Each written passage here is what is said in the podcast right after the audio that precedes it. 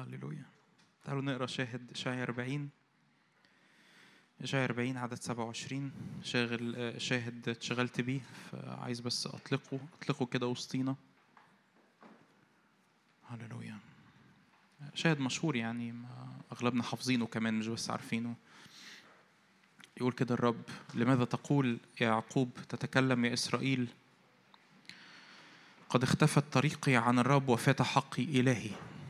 أوقات بنحس إنه إنه الرب مش واخد باله إن الرب مش حاسس إن الرب مش مميز إن الرب ساكت. فيقول كده الرب إشعيا 40 27 يقول كده الرب لشعبه لماذا تقول يا يعقوب وتتكلم يا إسرائيل؟ قد اختفت طريقي عن الرب وفات حقي إلهي. وربنا مش واخد باله من الحقوق المسلوبة مش واخد باله من ال... من المشاكل اللي حاصلة مش واخد باله من الضيق ايا كان. يقول كده الرب اما عرفت أم لم تسمع؟ حب الرب يفكرنا والرب ما عندوش مشكلة إنه يفكرنا ما عندوش مشكلة إنه يذكرنا ما عندوش مشكلة إنه إنه ينعشنا بكلمات زي كده. اما عرفت أم لم تسمع؟ أنت مش عارف أنت مش فاكر أنت مش سامع. إله الدهر. الرب هو إله الدهر. وفي تيموساوس يقول كده الرسول بولس عن الرب هو إله الدهور فهو مش بس إله هذا الدهر لكن هو إله كل الإيه؟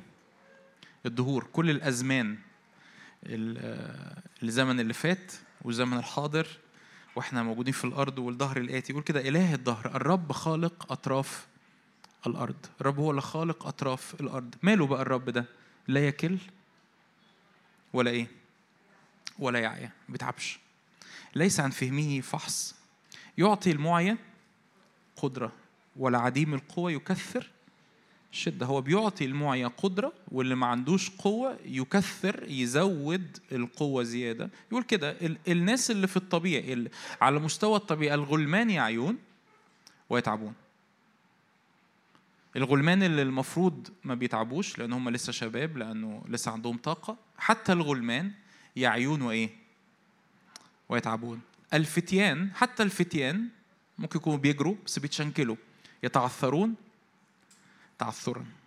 أما يعني ففي نوعية بحسب الطبيعي المفروض ما بتتعبش لكن بتتعب. وفي نوعية ممكن يكون العادي إن هم بيتعبوا لكن يقول كده أما إيه؟ لكن النوعية دي لأن هم بينتظروا الرب. هم بيقفوا قدام الرب. هم بيشبعوا من الدسم اللي نازل في حضوره زي ما كنا بنعمل في وقت العبادة اللي فات. أما منتظروا الرب بيعملوا إيه؟ يجددون. هللويا. دي مش دي مش آيات يعني. ده ده ده ده, وعد حقيقي بيخليني أقف قدام الرب وأستقبل قوة أستقبل شبع. منتظر الرب يجددون قوة يرفعون أجنحة. كالنسور النسر وهو طاير مش فارق معاه هو طاير فوق أرض وادي فوق أرض جبال فوق أرض سهلة أو فوق أرض صعبة. لأنه في كل الأحوال إيه؟ هو طاير. أما منتظر الرب يجددون قوة يرفعون أجنحة كالنسور يرقدون ولا يتعبون يمشون ولا يعيون. صدق صدق في, في, في هذه الكلمات. تقف قدام الرب تعدي ب ب ب بتعب بتعدي بتفشيل بتعدي بإنهاك جسدي أو إنهاك نفسي أو أو حرب روحية أو ايا كان. بس تقف قدام الرب وتدي لنفسك الفرصة وتدي للرب الفرصة انه إنه يشبعك من حضوره. نشبع من دسم بيتك ومن نهر نعمك تسقيهم. آمين. عشان كده داود يقول واحدة سألت من الرب وإياها ألتمس. أعمل إيه؟ أسكن في بيت الرب وبيت الرب ده مش الاجتماع. بيت الرب ده كل مرة أنت بتدخل خلوتك وبتصلي وفي الاجتماع وفي الشارع و... أسكن في بيت الرب كل أيام حياتي آه، إنك تدوق بس طعم حلو في حضور الرب للحظات حتى أحلى من ساعات وساعات ممكن تقضيها في شكل كان لسه الرب يعني حاجة قصة كلنا عارفينها. داود لما ما خرجش وقت خروج الملوك. كلنا عارفين القصة دي صح؟ لما لما سقط في الخطية مع بثشبع آه، ممكن يكون بالنسبة لي آه، أنا عايز أفصل أنا عايز أريح جسديا أنا عايز أريح بشكل ما. والتريحة دي تقلب بحاجة جسدية وما أقصدش إن هي بس تبقى خطية لكن تبقى بتعمل حاجة المفروض إن هي تريحك وتكتشف في الآخر بعد ما عملتها إن أنت تعبان زيادة. لكن مجرد بس إنك تقعد خمس دقايق أو عشر دقايق حقيقي بتدخل إلى ديار الرب بتكتشف إنه أنا فعلا استريحت. أنا فعلا خرجت وأنا آه، قوتي متجددة. وأنا فرحي متجدد وسلامي متجدد وقاعد قدام الرب في ملء الفرح والسلام وعندي قوة إني أستمر في الحياة. آمين؟ منتظر الرب بيعملوا إيه؟ يجددون إيه؟ قوة يرفعون أجنحة كالنسور. بيجروا مع إنه ما كانش عندهم الأول قدرة إن هم يجروا بس بيجروا ما بيتعبوش وبيمشوا مسافات طويلة ولا يعيوا. آمين؟ آمين. النهارده اجتماع خاص آه، تعليمي شوية بس هقول لك بالظبط إحنا هنعمل إيه. بس عايز قبل ما آه، هنتكلم عن الشفاء وهشرح لك ليه هنتكلم عن الشفاء بس عايز قبل ما اتكلم عايز أقول شوية شهادات حصلت الوقت اللي فات شهادات للشفاء الإلهي وما حصلتش من خلالي. مش أنا اللي يعني ما تجيش بعد الاجتماع تقول لي صلي لي علشان نو ما ولا واحدة من الشهادة اللي أنا هقولهم دول أنا كنت طرف فيها. فهقول شوية شهادات عن الشفاء الإلهي لأنه ده الموضوع اللي هنتكلم عنه. بس عايز أشارك بس كده في الأول شوية حاجات الرب عملها الوقت اللي فات من خلال ناس متنوعة وفي حاجات حصل وفي قصة احكيها ما حصلتش من خلال حد. أول اختبار مثلا بنت عندها تسع سنين مولودة بثقب في الأذن. بسبب الثقب اللي في الأذن ده بيأثر على عصب العين. أنا اللي بقوله ده دي اختبارات حقيقية. okay؟ أنا عارف إنه لسه شعبنا وده ده جزء من السبب ان أنا هشارك اللي أنا هشاركه ده. إحنا لسه مش متعودين. لسه مش متعلمين ولسه مش مصدقين كفاية. مش بكلم بس الناس اللي حاضرة بكلم الناس اللي بيتابعونا على ال streaming والناس اللي هيسمعوا بعد كده. وأؤمن إن التعليم ده الرب عايز يطلق بيه حاجة معينة. فإحنا لسه.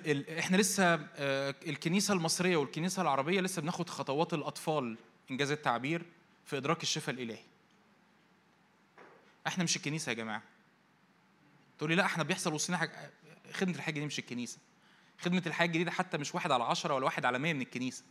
الكنيسة أكبر من كده بكتير. تمام؟ فاللي إنجاز التعبير اللي بيتحرك واللي شايف الكنيسة بشكل عام في مصر وفي العالم العربي الكنيسة العربية بشكل عام لسه بتاخد خطوات الأطفال في إدراك إن في حاجة اسمها الشفاء الإلهي. لو انت حتى عندك إيمان بالشفاء الإلهي لو انت سمعت تعليم عن الشفاء الإلهي قبل كده آمين. خلي يكون التعليم ده آه، آه، يعني يعني منشط للذاكرة ومنشط للإيمان بيزقك خطوات قدام إنك تدرك إيه هو الشفاء الإلهي وإزاي الرب بيسكبه علينا وعلى أولاد الرب. آمين.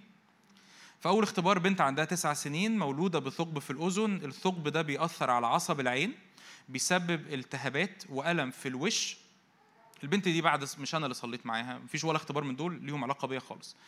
آه، البنت دي بعد الصلاة معاها خفت من الالتهابات اللي في ودنها هي ما كانتش تقدر تلمس وشها. دي طفلة عندها تسع سنين.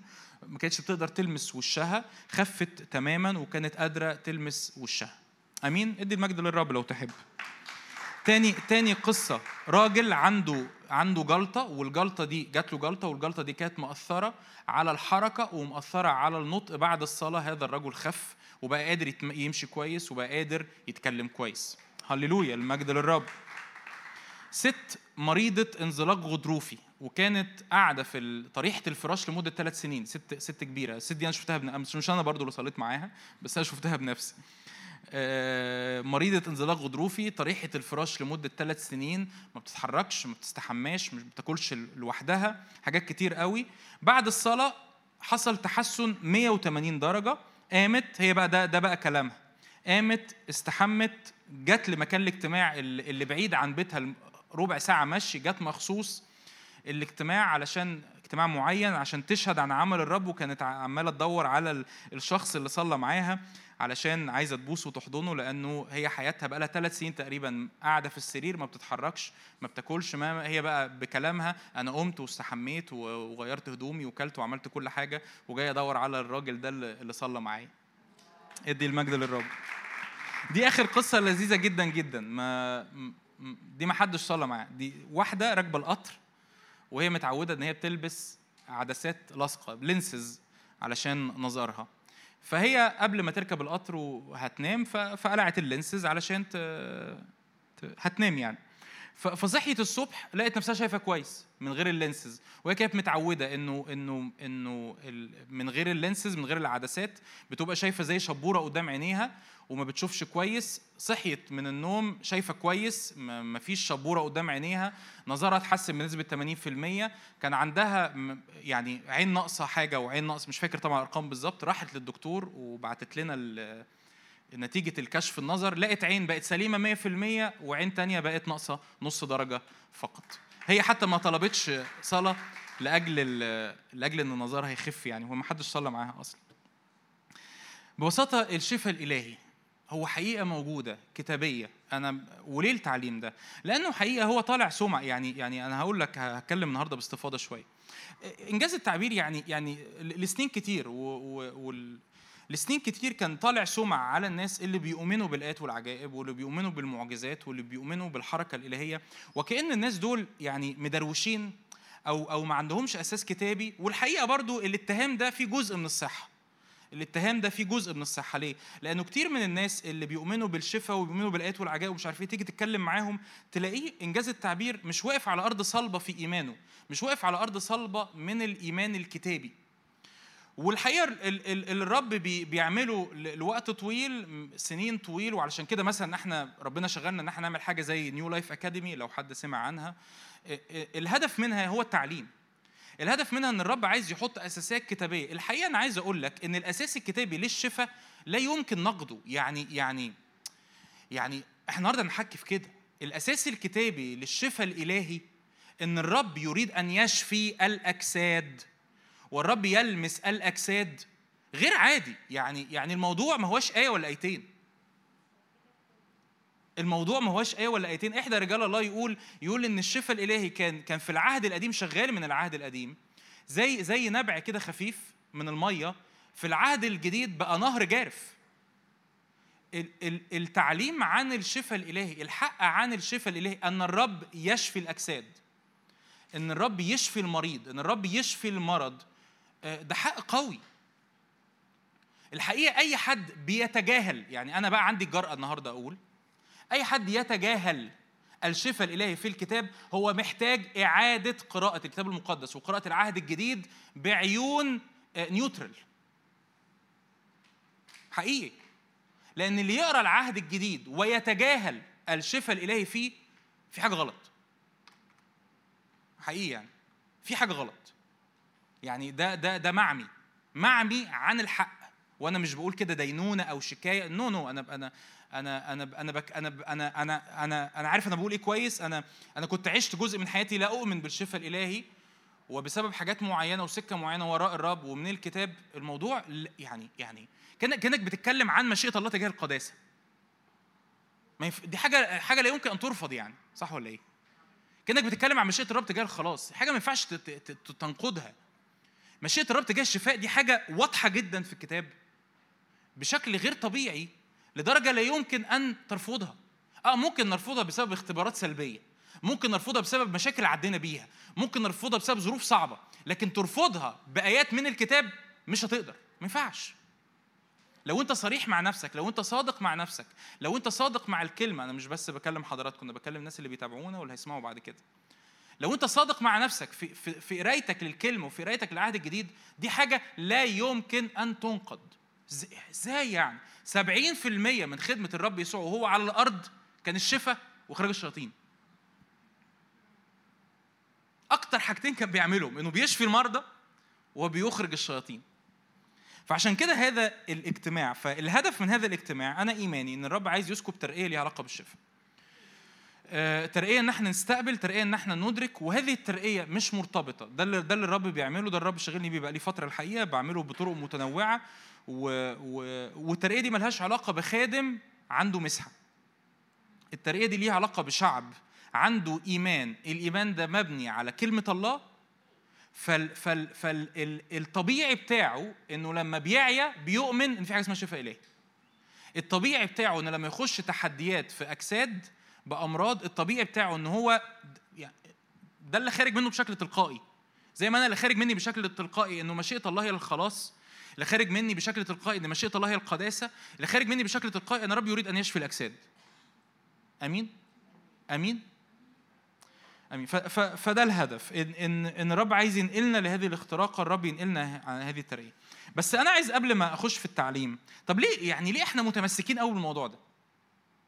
يعني ساعات بح يعني أصل دول دول جماعة اللي بيؤمنوا بالآيات والعجائب وبالشفاء دول ناس كده يعني دماغهم رايحة منهم. عايز أقول لما لما هنبص دلوقتي على التعليم لما نبص على الكلمة آه هنكتشف إنه الحقيقة مش هم دول اللي دماغهم رايحة منهم. تاني هقول أنت لو صادق مع نفسك وأنت بتقرأ العهد الجديد مش هينفع تنكر رغبة الرب ومشيئة الرب وقوة الرب للشفاء الجسدي. فليه إحنا متمسكين بقصة الشفاء الإلهي؟ أول حاجة لأن الرب يحب النفوس. رب يحب النفوس رب الرب بيتألم لأجل ألمنا، الرب بيتألم لأجل حتى أجسادنا المتألمة والرب يريد أن يشفيها. متى 14 14 متى 14 14 يقول كده عن الرب يسوع أبصر جمعا كثيرا فتحنن عليهم وشفى مرضاهم. ده, ده الطبيعي بتاع الرب يسوع. لوقا 9 11 لوقا 9 11 ده الرب يعني القصة اللي قبلها من غير ما أفتح لك الآيات الرب كان رايح إلى موضع خلاء عشان يصلي. يعني الرب كان ناوي عايز يسيب الجموع عشان يقعد لوحده مع الآب. فيقول كده الجموع إذا علموا شافوه تبعوه عرفوا إن هو رايح لموضع خلاء فعملوا إيه؟ فتبعوه يقول كده فقبلهم وكلمهم عن ملكوت الله والمحتاجون إلى الشفاء عمل إيه؟ ده قلب الرب تجاه النفوس. الرب يحب الناس. ولاننا لا لا مش ولاننا وانت وحضرتك كل واحد فينا بتحب الناس فالطبيعي ان أنت لما بتشوف حد مريض أنت بتتألم لأجل ألمه. فن فن فده يدخلني على النقطة الثانية انه إنه ده جزء أساسي من خدمة الرب يسوع على الأرض.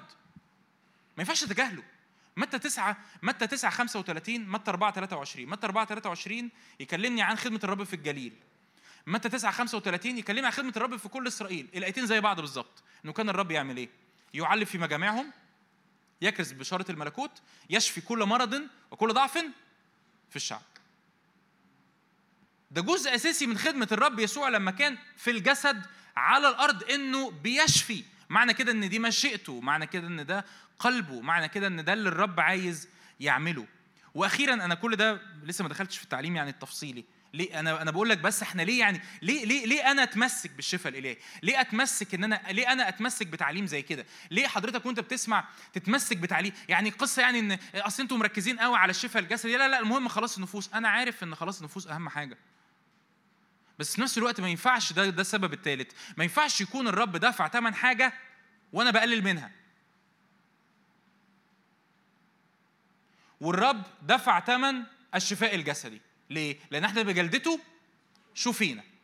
الذي بحبوره شفينا. إشاعة 53 يقول كده في متى 8 افتح متى 8 16 الرب شفى كثيرين أخرج كثير من أرواح الشر. متى 8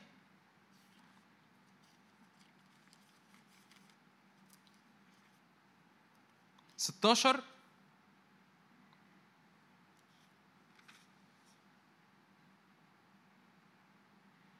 لما صار المساء قدموا إليه مجانين كثيرين أخرج الأرواح بكلمة وجميع المرضى شفاهم ليه؟ لكي يتم ما قيل بأشعياء النبي القائل هو أخذ أسقامنا وحمل أمراضنا. فأنا أنا متمسك بالشفاء. ليه يعني؟ ليه ليه الموضوع يعني يغيظني مش يغيظني أنا يغيظك أنت. ليه الموضوع يشعل غيرة في قلبك؟ ليه الموضوع تحس إنه إيه، عادي يعني ما جاتش على دي سيبك مش مهم. أهم حاجة خلاص النفوس أهم حاجة القداسة أهم حاجة الخدمة. اي دول مهمين مهمين جدا. ما ينفعش نقلل منهم.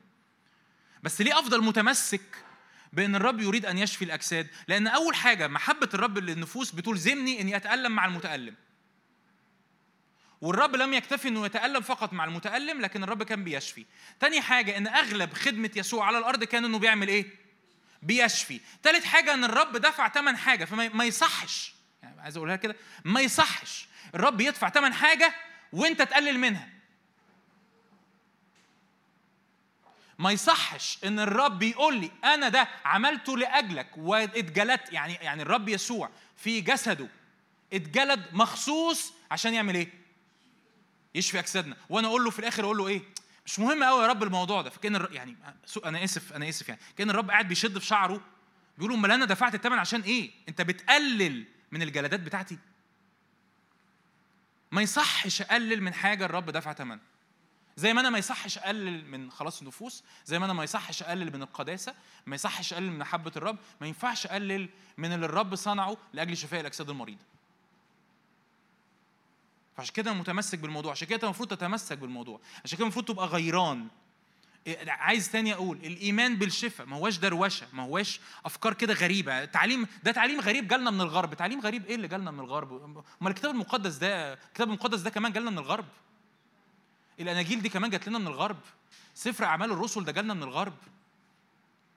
دي ده مش تعليم غريب ده مش تعليم آه، دخيل على الكنيسة. أصل ده اللي بيؤمنوا بال prosperity أو بولس كان بيؤمن بال prosperity gospel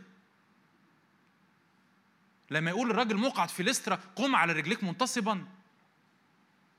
بطرس لما يدخل لما يقولوا له تعالى عدي علينا عشان في واحدة ماتت. يقول لهم أصل أنتوا شوية مجانين بتوع الناس اللي ساكنين في يافا دول دول شوية مجانين كده بيؤمنوا بأفكار غريبة. يا ستي خلاص خلاص ماتت خلاص ملناش دعوة.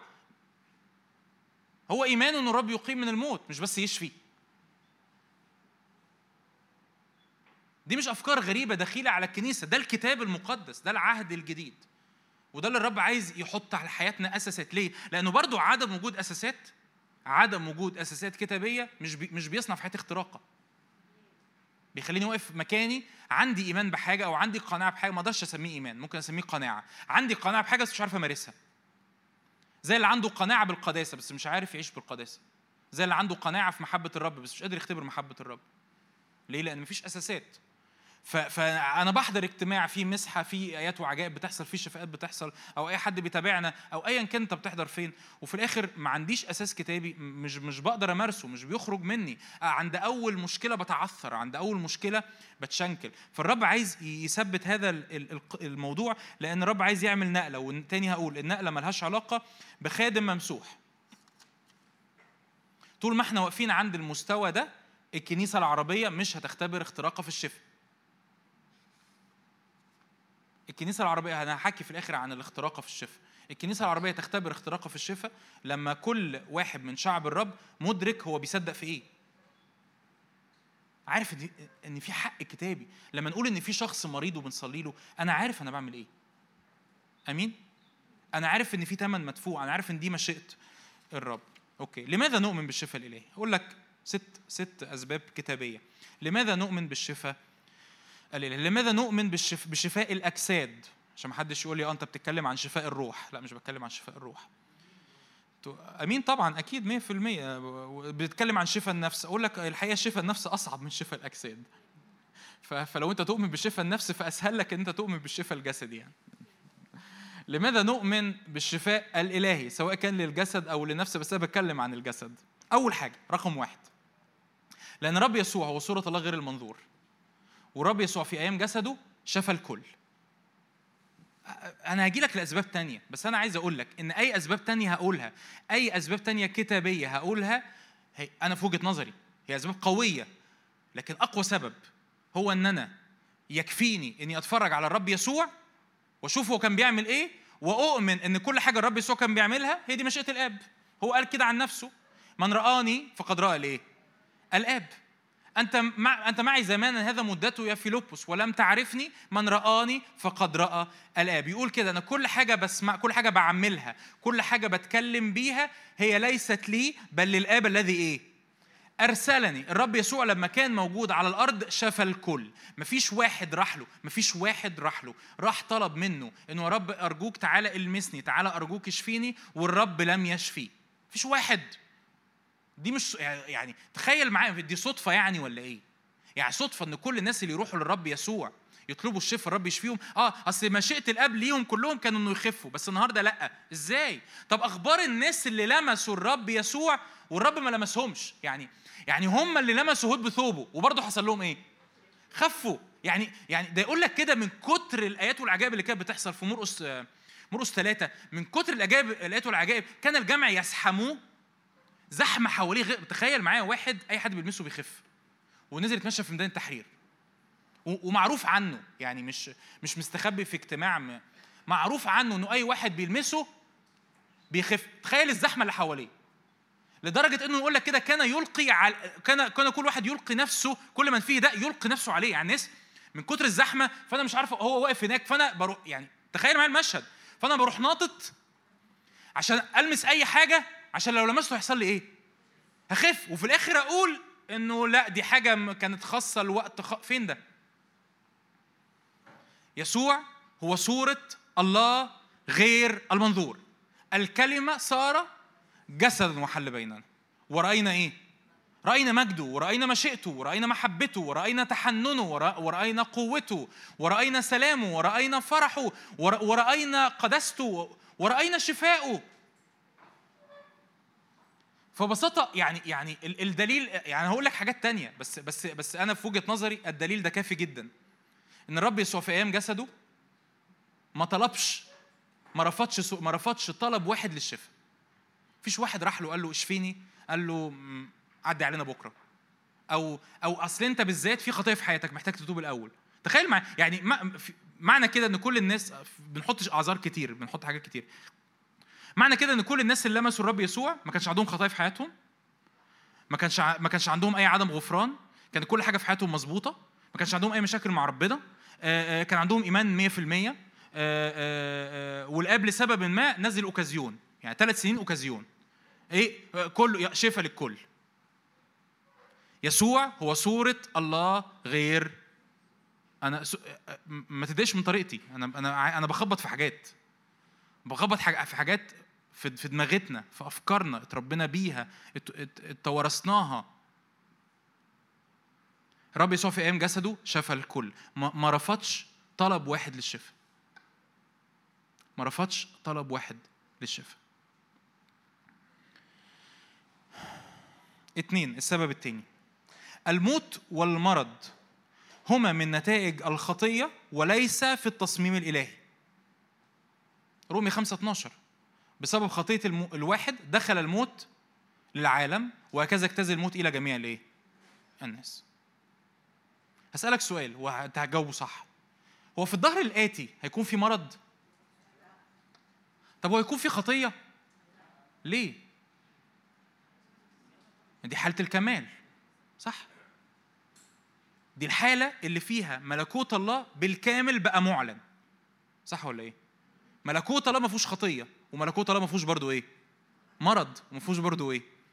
موت فقصة إنه لسه بصارع مع أفكار إن يمكن يكون ربنا عايز يمكن يكون بلاش عايز يمكن يكون ربنا سامح انسف حمامك القديم ارجع اسمع وعظات اسمها السماح الإلهي. دكتور نادر عملها في وقت موجودة على اليوتيوب. خش على الأكاديمي اسمع تعليم اسمه مشكلة الشر والألم. لو أنت عندك لسه مشاكل مع السماحية يعني إيه ربنا يسمح؟ لا ربنا سا... ربنا بعت ربنا سامح ربنا عايز ربنا آه، آه، إنجاز التعبير ذو رأيين. يعني حولنا ربنا خلينا ربنا نفسه بقى ذو رأيين. عايز يشفي بس هو اللي كان سامح بالمرض. عايز أقول لك حاجة بسيطة جدا جدا مش ليك لأي حد لسه بيؤمن بفكرة السماحية أو ربنا يمكن باعت. طب لو ربنا هو اللي سامح بالمرض بتاخد دواء ليه؟ خليك بمرضك لحد ما ربنا يشفيك. لا يمكن ربنا باعت المرض عشان يأدبني. خلاص يبقى خد التأديب للآخر. اشرب الكاس بتاع التأديب للآخر. طب إحنا بناخد دواء ليه؟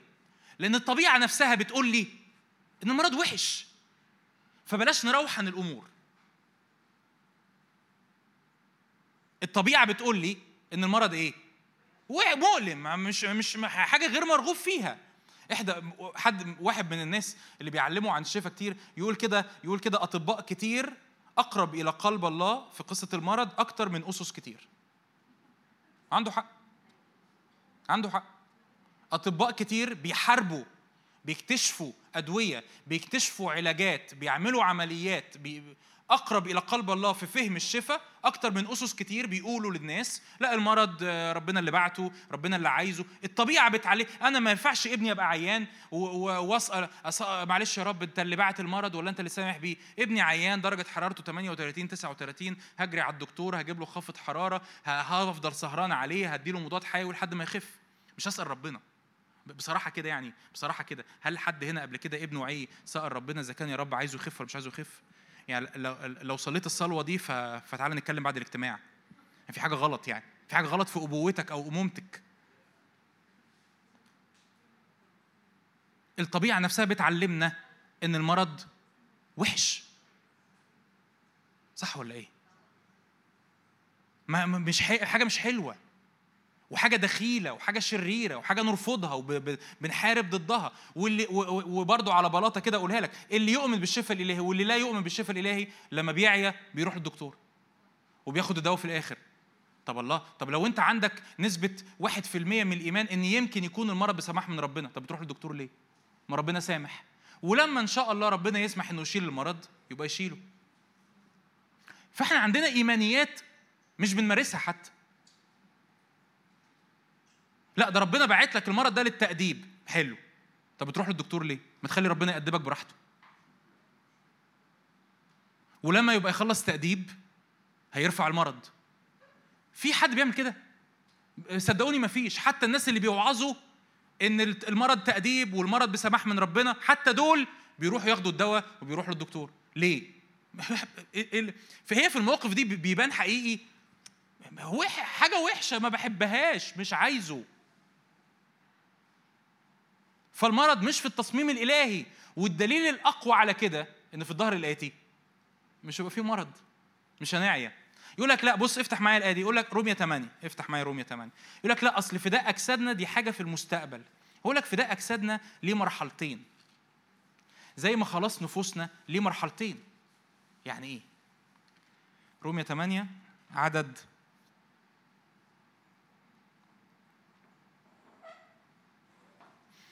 23 ليس هكذا فقط. نحن الذين لنا بكورة الروح نحن أنفسنا أيضا نئن في أنفسنا.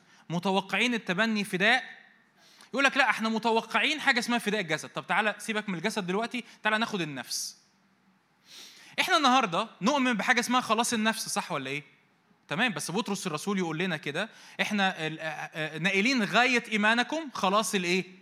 آه أصل في فرق بين خلاص وخلاص. ليه؟ لأن أنت النهارده في مسيرك مع الرب نفسيتك بتتشكل بتتغير ففي خطايا بترميها وفي خطايا بتسيبها وبتعيش في القداسة. لكن لحد النهارده أنت في حالة صراع.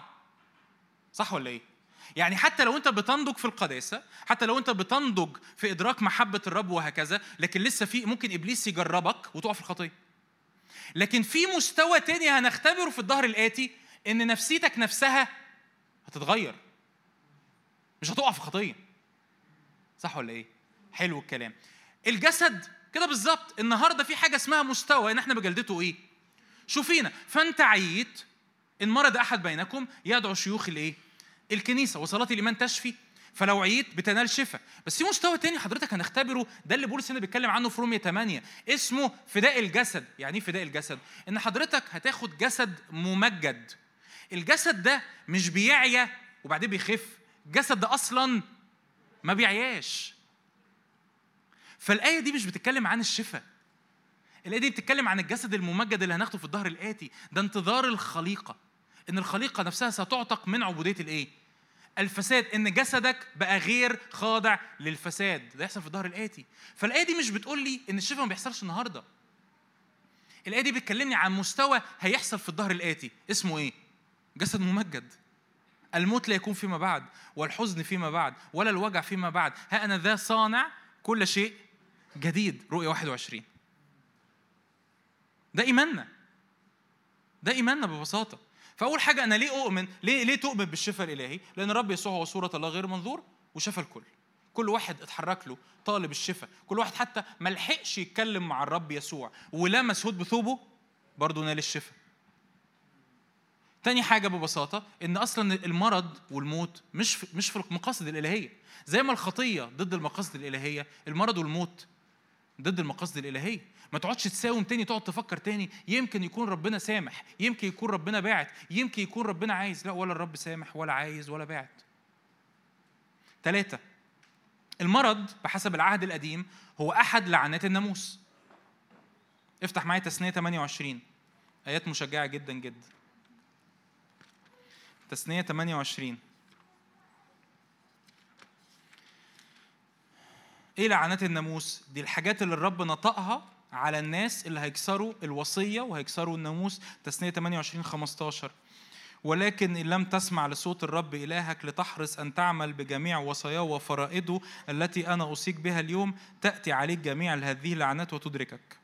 ملعونا تكون في المدينة ملعونا تكون في الحقل ملعونة تكون سلتك ملعونة تكون ثمرة بطنك ثمرة أرضك نتاج بقرك إناث غنمك. ملعونا تكون في دخولك ملعونا تكون في خروجك. يرسل الرب عليك اللعن والاضطراب والزجر في كل ما تمتد إلى يدك لتعمله حتى تهلك وتفنى سريعا من أجل سوء أفعالك إذ تركتني. يلصق بك الرب الإيه؟ الوباء حتى يبيدك عن الأرض التي أنت داخل إليها لكي تمتلكها. يضربك الرب بص لسة الأمراض الجميلة. بالسل والحمى والبرداء والالتهاب والجفاف واللفح والذبول. طبعا في أمراض أصلا أنا مش عارف هي إيه. والذبول فتتبعك حتى تفنيك تكون سماءك التي فوق رأسك نحاسا والأرض التي تحتك حديدا. المرض أحد لعنات الناموس. غلطية 3 13 المسيح افتدانا من لعنة الناموس. صار لعنة لأجلنا. ليه؟ لأنه مكتوب ملعونة كل من علق على خشبة. ليه؟ لتصير بركة إبراهيم لينا. إيه هي بركة إبراهيم؟ إن يكون مبارك وإن يكون بركة. هي دي بركة إبراهيم. أكون مبارك وأكون إيه؟ بركة. ثالث سبب يوقفني على أرض صخرية على أرض صلبة إن المرض أن الرب يريد أن يشفي إن المرض كان في قائمة اللعنات ربنا عارف كويس يعني إنجاز التعبير يعني ربنا هو بيقول الليستة دي بيقول لي كده أنا عارف إن المرض لعنة. أنا عارف إن المرض وحش وعشان كده حطيته لك في لسته الإيه؟ مش في لسه البركات؟ يعني منطقي جدا يعني. مرض وحش فحطيته لك في قائمة اللعنات. أربعة السبب الرابع إن إحنا بجلدته. شوفينا لماذا أؤمن بالشفاء الإلهي؟ لأن الرب يسوع زي ما قدم بنفسه ذبيحة واحدة لأجل الخطية هو اتجلد مرة واحدة لأجل المرض. بساطة إشاعة 53 افتح إشاعة 53 نقلب كده في شوية آيات. إشعيا 53 خمسة. أو من أول أربعة. لكن أحزاننا حملها. أوجاعنا تحملها. دي, دي الآيات اللي متى اقتبسها؟ في متى 8 16 و17 لما يسوع حرر الكل من الأرواح الشريرة وشفى المرضى هي دي الآيات اللي اقتبسها. أحزاننا حملها أوجاعنا تحملها. نحن حسبناه مصابا مضروبا من الله ومذلولا وهو مجروح لأجل معصينا حلو. هو اتجرح عشان الخطية. مسحوق لأجل إيه؟ سلامنا أثمنا. تأديب سلامنا عليه. التأديب اللي يرجع اللي يرجع لنا السلام ما بيننا وما بين الله كان محطوط عليه. وبحبوره شوفينا. وهي دي الآية اللي الرسول بطرس يقتبسها في بطرس الأولى 2 24 يقول الذي بجلدته شفيتم. فعل ماضي. لماذا أؤمن بالشفاء الإلهي؟ لأن أنا مش محتاج أقنع ربنا إنه يشفيني. ليه مش محتاج أقنع ربنا إنه يشفيني؟ لأنه شفاني بالفعل. زي ما أنا مش محتاج أقنع ربنا إنه يغفر خطيتي. ليه؟ لأنه غفرها بالفعل. كان الله في المسيح مصالحا العالم لنفسه. الله أمال الإيمان دوره إيه؟ الإيمان دوره إني أستقبل هذه المصالحة على حياتي. الله أمال الوعظة دي لازمتها إيه؟ الوعظة هدفها ان حضرتك تستقبل شفاء الرب من خلال جلداته في حياتك. فزي ما الرب دفع ثمن كامل لأجل الحرية من الخطية دفع ثمن كامل لأجل الحرية من القيود دفع ثمن كامل لأجل القداسة الرب دفع ثمن كامل لأجل شفائك الجسدي. وزي ما قلنا من شوية ما يصحش أقلل من حاجة وأقول له يا رب معلش أصل دي مش مهمة قوي يا رب أنت يعني إحنا إحنا الوعاظ إحنا الوعاظ عارفين إيه المهم وإيه المش مهم. فمعلش دي موضوع الشفاء الجسدي ده خليه على جنب شوية. إحنا إحنا عارفين إيه الأهم للناس. في ن... مع... سوري سامحوني يعني ما تتضايقوش مني لو أنا آه، آه، كأني غيران شوية. مش غ... مش متضايق منكم يعني. ف... ف... فمعلش يا رب إحنا أدرى إحنا أدرى. أصل إحنا لو اتكلمنا عن الشفاء احتمال يحبطوا احتمال يتفشلوا. و... و... وبعدين وبعدين يعني يا رب أنت مش واخد بالك إن خلاص النفوس أهم من شفاء الأجساد؟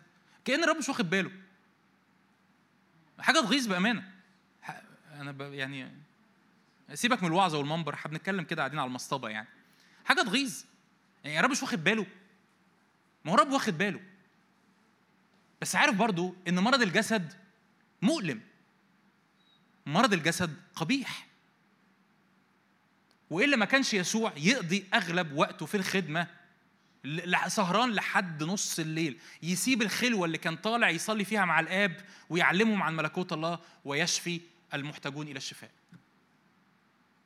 هو واخد باله إن المرض حقيقي مؤلم. ما ينفعش أنا أقلل من حاجة لمجرد إن هي مش على هوايا أو أو اختباري الشخصي ما ما ما ما جابش فيها أو اتعثرت اليوم هتكلم عن القصص دي شوية كمان شوية أو حسيت إنه لا لا لا ما اتعلمناش عن كده إحنا أهم حاجة خلاص ماشي okay okay. بس ما ينفعش أقلل من حاجة الرب صنعها ودفع الثمن لأجلها. كأن واحد داخل لك بهدايا قيمة جدا جدا. ودي حلوة دي حلوة لا بس دي مش مهم. يقول لك إنت مش فاهم هتحتاجها في يوم من لا لا لا لا رب كفاية قوي اللي أنت عملته علشان على الصليب. أيوه مهم مهم. بس الرب برضه اتجلد. واتجلد لأسباب. محتاج أكرم جلداته إنجاز التعبير. أكرمه إزاي؟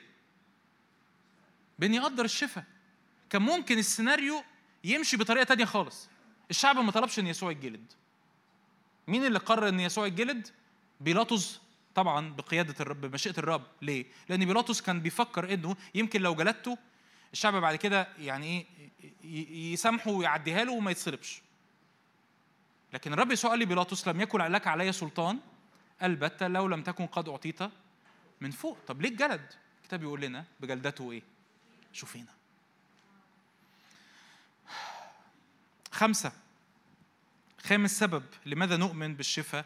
الإله افتح معايا لوقا 8 هنقرأ آيتين. لأن إحنا نؤمن بحاجة اسمها الخلاص الكامل. لأن إحنا بجلدته شوفينا نؤمن بحاجة اسمها سوزو. كلمة سوزو في العهد الجديد اللي هي بتترجم حاجات كتير. تترجم خلاص تترجم شفاء تترجم حرية تترجم آه، خلاص من الأعداء وإنقاذ من الأعداء تترجم حرية من القيود. فالترجمة الأدق لكل ده أن تكون كاملا. الترجمة الأدق لكلمة سوزو مش الخلاص لكن أن الإنسان يكون إيه؟ كاملا إنه يكون على بعضه كده مكتمل يكون على بعضه في حالة سلام في حالة زي ما كان شادي بيحكي في حالة تناغم روح ونفس وجسد. فلوقا 8 36 يحكي لي كده عن تحرير مجنون كرة الجدرين. يقول كده فأخبرهم أيضا الذين رأوا كيف خلص المجنون. خلص دي سوزو. خلص هنا دي بتتكلم عن إيه؟ إن الراجل بقى جالس ولابس وعقل بقى حر من الأرواح الشريرة. بس نط معايا العدد 48 ده شفاء نزفت الدم. قال لها يسوع إيه ثقي يا ابنة إيمانك قد إيه؟ شفاكي دي سوزو خلصك. فاحنا نؤمن بحاجة اسمها الخلاص الكامل. إن إن إن الرب بي بي بيخلص روحك بيفتدي روحك بيلمس نفسك وبيشفي جسدك. ده إيماننا. ليه؟ لأن الرب نفسه استخدم هذه التعبيرات لما كان بيحكي الراجل اللي كان المقعد على باب الجميل. يقول كده في في حد يتأمل يعني في الآيات دي. صار صار يقفز ويطفر ويسبح الله. كانت بتقال كده هذه التعبيرات الثلاثة عن الراجل اللي كان مقعد على باب الجميل. يقول كده إنه كان له أكثر من أربعين سنة. بقاله أكثر من أربعين سنة مريض. يقول كده صار يقفز ويطفر ويسبح الله. فيقول لك يقفز يقفز ده رجليه بقت مشفية فده شفاء جسدي. يطفر ده ده فرح النفس ويسبح الله ده خلاص الروح. آمين؟ فالرب يريدنا أن نقفز ونطفر ونعمل إيه؟ ونسبح الله. هللويا. ستة ستة وأخيرا في الأسباب لماذا نؤمن بالشفاء الإلهي. لأن الرب يسوع أوصانا أن نشفي المرضى. إزاي يا رب إزاي يا رب توصي إزاي يا رب تحط الحمل التقيل السخيف ده على الكنيسة. رب يقول لك حبيبي ده ده ميراث الكنيسة. ومش ميراث الكنيسة بس عشان الكنيسة العينين اللي فيها يختبروا الشفاءات لكن علشان اللي بره الكنيسة يدركوا إن في إله صالح بيحبهم دفع ثمن لأجلهم بيلمس الأجساد المريضة. فلماذا نؤمن بالشفاء الإلهي؟ لأن الرب أمر أمر التلاميذ وبالتالي أمرنا إن إحنا نشفي الإيه؟ المرضى. متى 10 7 و8 متى متى ذهبتم فكرزوا قائلين ملكوت السماوات قد اقترب. اعملوا إيه؟ اشفوا. مرضى طهروا. برص أقيموا موتى أخرجوا. شياطين. متى 28 18 يقول كده. اذهبوا إلى العالم وتلمذوهم وعلموهم أن يحفظوا جميع ما أوصيتكم به. الرب أوصى التلاميذ إن هم يحبوا الأعداء. فإحنا بنعمل إيه كمان؟ نحب الأعداء. ما هو صح ولا إيه؟ أنا وأنت ما كناش موجودين على الجبل. حد هنا كان موجود على الجبل؟ كناش موجودين. حلو. هل الرب يسوع قال لك كده يعني كان قاعد معاك كده وقال لك أحب أعدائك؟ ما قالكش. هو قال لبطرس ويوحنا ويعقوب ومتى وبرثولماوس وبعدين هم كتبوا الكلام ده في الإنجيل. فإحنا فهمنا إن وصي وصية الرب للتلاميذ هي كمان وصيتهم لمين؟ لينا. صح ولا إيه؟ محبة الأعداء؟ آه. القداسة؟ آه. تبعيه الرب تحمل صليبك كل يوم وتتبعه؟ آه. طب اشمعنى جينا عند الشفاء وقلنا دي مش لينا؟ ما هي دي إحدى الوصايا اللي الرب أوصاها للتلاميذ. اشفوا مرضى. فالرب زي ما وصى التلاميذ إن هم يشفوا المرضى الرب برضه بيوصي الكنيسة إن هم يشفوا المرضى. إن هم يتحركوا بإدراك وسلطان الشفاء الإلهي اللي الرب يريد يلمس الأجساد ويشفي الأجساد المريضة. آمين؟ فدول ست أسباب. ست أسباب أنا بالنسبة لي يعني لا يعني أول سبب ده كافي جدا بس أنا حبيت أقول لك ستة عشان يعني ما, ما تحسش إن في حاجة ناقصاك يعني. ما يبقاش في ثغرة. أول حاجة الرب يسوع في أيام جسده شفى الكل. ورب يسوع هو صورة الله غير المنظور. افتكر إحنا دايما بننسى الموضوع ده. في حتى تعليم غريبة. بتطلع معلش هدوس زيادة في الحتة دي. يقول لك اصل اصل أصل الرب قدوس جدا جدا جدا. بس الرب يسوع في أيام جسده كان بيقبل الخطاة. بس الآب مليان قداسة. انت انت فاهم انت بتقول إيه؟ يعني جملة مرعبة. جملة جملة مرعبة. دي هرطقة. يعني الرب يسوع كان أقل قداسة من الأب. دي جملة مرعبة. دي جمل بتقال من على منابر وبتتكتب في كتب وبتعلم وللأسف لأن إحنا لأن إحنا اتربينا بعقلية معينة عن ربنا مش مش مش بنجيب آخرها. جيب آخر جملة. آخر جملة معناها إن الرب يسوع كان أقل قداسة من الأب. ده غير مسموح دي هرطقة. صح ولا إيه؟ حلو. الرب يسوع عنده حنان أكتر من الأب. إزاي يا جماعة؟ إزاي؟ باسم الأب والابن والروح القدس إله واحد. يعني الرب يسوع كان عنده تحنن أكتر من الأب. طب الرب يسوع كان عايز يعمل حاجة الأب مش عايز يعملها إزاي؟ الرب يسوع في أيام جسده ما رفضش طلب واحد للشفاء. شفى الكل. تحنن على الكل. اثنين الموت والمرض مش في التصميم الإلهي هما من نتائج الموت ومن نتائج الخطية. الطبيعة نفسها بتعلمنا إن المرض ضد البشرية. في الظهر الآتي مش هيبقى فيه المرض. أنا هو الرب شافيك. ما ينفعش يبقى الرب الشافي هو الرب الممرض. الضار ده مش إلهنا. اللي فيه تناقضات ده مش إلهنا. الضار النافع الشافي الممرض ده مش إلهنا. الكنيسة الأولى كنيسة الآباء أول 300 سنة ميلادية. الموضوع ده كان محسوم بالنسبة لها على بلاطة. كل ما هو صالح وموهبة تامة وأمور جيدة هي نازلة من فوق. وكل ما هو موت أو مرض أو خطية هو من عدو الخير. الموضوع يعني ما فيهوش ما فيهوش تلت التلاتة كام موضوع مح... اقرأ اقرأ كتابات الآباء. موضوع محسوم بالكامل.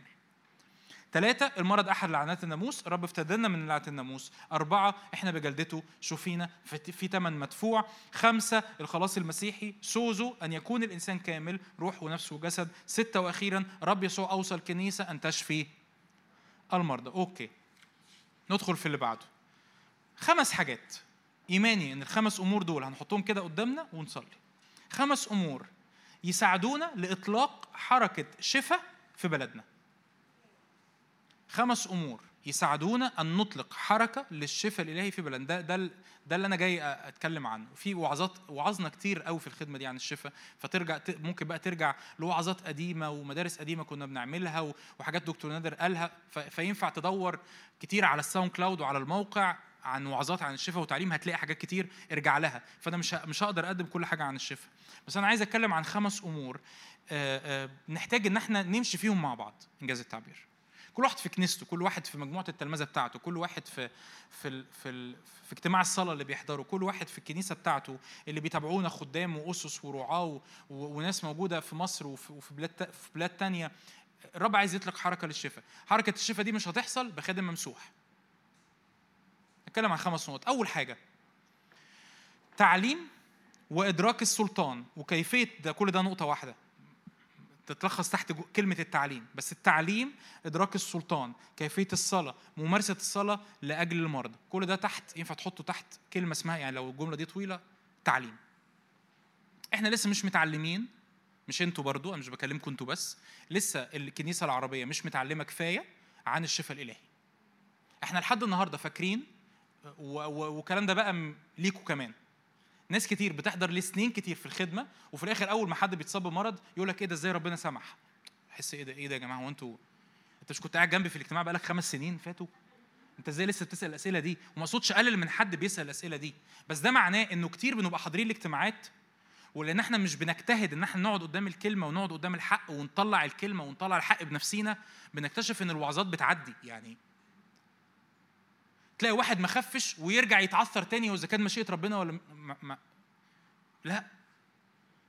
إحنا نحتاج إلى الكثير والكثير والكثير من التعليم من بناء الحق الكتابي من الأساسات الكتابية اللي توقفنا على أرض صلبة. ليه؟ لأن عندنا كم قناعات غير عادي؟ غلط.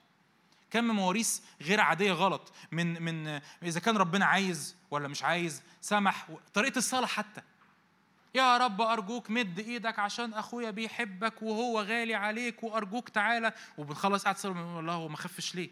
مفيش يعني أنا بدي بدي مثل بسيط عن عن عن حاجات كتير غلط في التعليم.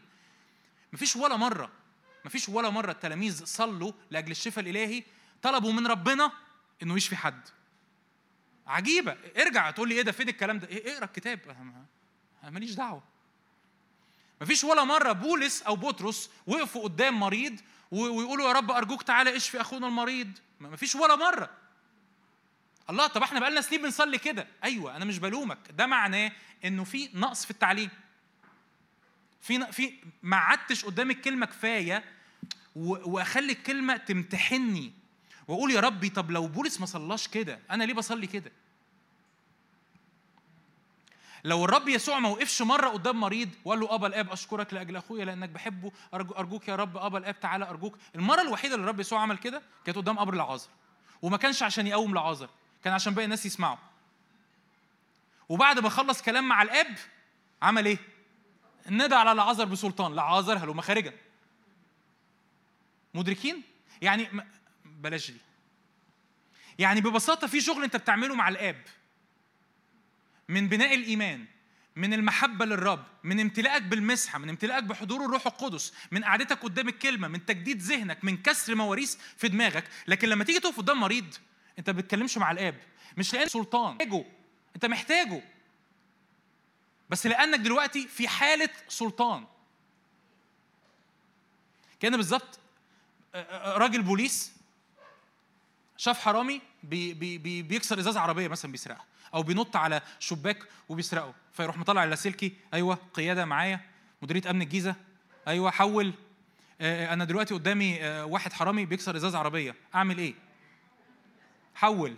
تفتكروا الراجل ده هيتعمل فيه إيه؟ هيترفد. أنت مرفوض حول. هو محتاج القيادة ولا مش محتاجها؟ محتاجها لكن القيادة أعطته سلطان. إيه السلطان؟ إنه يمنع السرقة اللي بتحصل. الرب إداك السلطان. يقول كده أعطاهم سلطانا وقوة على شفاء أمراض وعلى إخراج أرواح شريرة. يعني إيه سلطان؟ يعني حتى طريقة الصلاة مختلفة. طب هو ليه بولس ما طلبش من الآب؟ تعال افتح القصة دي آه، كويسة قوي تشرح لنا، افتح معايا أعمال تسعة. مثل مثل قوي يعني يشرح لي الفرق ما بين قعدتي قدام الآب وممارسة السلطان. طبعا أنا ده ده مش في النقط أصلا اللي أنا بقولها. بس ده جزء صغير قوي قوي قوي قوي يشرح لي إحنا ينقصنا تعليم في إيه. لأن زي ما بقول لك أنت ممكن تبقى بتحضر اجتماعات قوية ومملوءه بروح قدس وفي ناس بتخف فيها بقالك عشرات السنين وفي الآخر تيجي تقف قدام واحد مريض وتقول له رب أشكرك لأنك بتحب أخويا وأشكرك تعالى ألمسه. أنا مش بقول إن ربنا مش سامع الصلاة ربنا سامع الصلاة. بس في الآخر في حاجة المسدس لازم يخرج منه الرصاصة. لازم انت تدوس على الزناد. مسدس في إيدك. أعمال تسعة عدد 36 كان في يافا تلميذة اسمها طبيثة الذي ترجمته غزالة. هذه كانت ممتلئة بلاش نقرأ ده كله عشان الوقت. عدد 40 فبطرس راح عشان يصلي مع غزالة.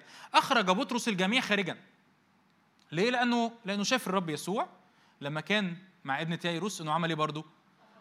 ما هو ممكن يكون بطرس مميز إنه في عدم إيمان في الأوضة. إنه في آه، عمالين يعيطوا عليها بس هو عايز يتشجع عايز عايز ايمانه يتنقل لحاجة معينة. فعمل إيه؟ فأخرج الجميع إيه؟ خارجا. وجثى على ركبتيه وصلى. هنا بطرس بيكلم مين؟ بيكلم الآب. ثم التفت إلى الجسد وقال يا طبيثه قومي. آه. هنا بقى ده ده ده ده, ده فرق واضح جدا ما بين صلاة الصلاة الموجهة إلى الآب والصلاة بسلطان. يعني بطرس دخل عند غزالة شعر إن الناس منزع وعندهم حق يبقوا منزعجين. واحدة كانت بتعمل أعمالها الصالحة ماتت. بيعيطوا بيبكوا ايا كان. فحس إنه معلش يا جماعة سيبونا شوية. وجثى على ركبتيه وإيه؟ كان بيعمل إيه بطرس في اللحظات دي؟ ما أعرفش بالظبط كان بيعمل إيه بس أنا هتأمل معاك. ممكن يكون كان بيصلي بيسأل الرب يا رب هي مشيئتك إن هي تقوم ولا لأ؟ لأن قيامة الأموات غير الشفاء. فكان بيسأل الرب يا رب أنت عايزها تقوم من الموت ولا لأ؟ فالرب قال له آه. فابتدى بطرس يمكن وهو بيصلي قال له يا رب اديني نعمة. روح الله أنا بحبك. تعالى ملاني أكتر وأكتر. يمكن وهو جاثي وهو ساجد افتكر مشهد دخول يسوع عند ابن تيروس فإيمانه نط نطة كمان. وبعد كده افتكر وهو واقف جنب قبر العازر. فإيمانه عمل إيه؟ شرارة كمان. كل ده ما بينه وما بين الرب. طب غزالة أخبارها إيه؟ ما اتكلمش معاها. بس بطرس بقى ما كملش صلاة. يا رب قومها يا رب قومها يا رب قومها قال لك ثم التفت. آه دي صلاة بسلطان. هنا الجملة مش موجهة للرب هي موجهة لمين؟ للجسد. ثم التفت إلى الإيه؟ الجسد. وقال يا طبيثه قومي. ممكن تبقى بقالك سنين كتير بتسمع عن الشفاء ومش عارف تصلي إزاي. إحنا لو في اختراقة الرب يريد أن يصنعها في الشفاء الإلهي في الكنيسة في مصر نحتاج إلى الكثير من التعليم. لأن القصة مش خادم ممسوح. عايز أقول لك أقول لك جملة كده وربنا يسامحني عليها. نفس الخادم اللي بيصلي بره مش عارف إيه والشفاءات ملايين بيخفوا تيجي تجيبه في اجتماع في مصر ما يحصلش حاجة. يقول لك أصل دي الأجواء قصدي الأرواح الشريرة ولا الأجواء ولا الأرواح الشريرة. الناس لسنين في اختراقات معينة في نهضات شفاء حصلت بره مصر الناس اتعلموا إزاي يستقبلوا الشفاء إحنا لسه مش متعلمين إزاي نستقبل شفاء لو في مسحة متحركة في الاجتماع إحنا لسه مش متعلمين إزاي نتجاوب معاها. أنا بفتكر إن في خادم على المنبر ماسك مايك هيصلي وفي حاجة هتحصل وأنا ماليش دخل. الحقيقة مش ده اللي بيحصل. الحقيقة أنا عليا دور. فالرب يسوع يدخل على المجمع يقول للرجل ذو اليد اليابسة مد يدك. فالراجل يعمل إيه؟ يعني إيه مد إيده؟ يعني هو جواه قناعة إن أنا هحاول أمد إيدي. لكن أنت تبقى بتصلي وأنا بصلي وفي واحد وبتقول اعمل حاجة معينة هو جواه آه، لما أروح البيت. أنا مش بلومك. أنا بلوم نقص التعليم. تخيل معايا لو الراجل ذو اليد اليابسة ده قال لي يسوع إيه؟ لما أروح البيت. يعني يا رب لازم تكسفني قدام الناس. ما هو يقول لك كده أقاموا في الوسط وتطلعني قدام الناس وأنا إيدي يابسة. خلي بالك ده كان مجتمع شرقي زي مجتمعنا بالظبط. ما كان مش أمريكاني يعني. مجتمع شرقي زي بتاعنا بالظبط. لازم يعني يا رب تكسفني. طب افرض يا رب مديتها وما خفتش. يبقى منظرك إيه ومنظري إيه قدام الناس؟ ده بي في حاجات كتير قوي مرتبطة بقصة الشفاء واستقبال الشفاء وإطلاق الشفاء واستقبال المسحة والصلاة بسلطان كل ده محتاجين نتعلمه. ده ده واجب عليك يعني ده واجب على الكنيسة. آمين؟ ده واجب على الكنيسة ده واجب علينا. عايزين اختراق شفاء تحصل في اجتماعاتنا تحصل وسطينا تحصل في المكان اللي انت بتخدم فيه. لما تتحرك في الشارع تصلي أجل عيانين ويخفوا محتاج تتعلم تتعلم تقعد تقرأ وتقعد تقعد قدام الرب وتقعد قدام الكلمة وتقعد تصلي وتقعد تقول له رب علمني. يقول لك كده عرف موسى إيه؟ طرقه وبني إسرائيل أفعاله. رب ليه طرق والمسحة ليها طرق والحركة مع رب بسلطان ليها طرق. مش بعقد الموضوع لكن ببساطة زي ما بتتعلم عن أي حاجة في الدنيا إحنا إحنا يعني كان كأن إحنا محتاجين محو أمية في الشفاء.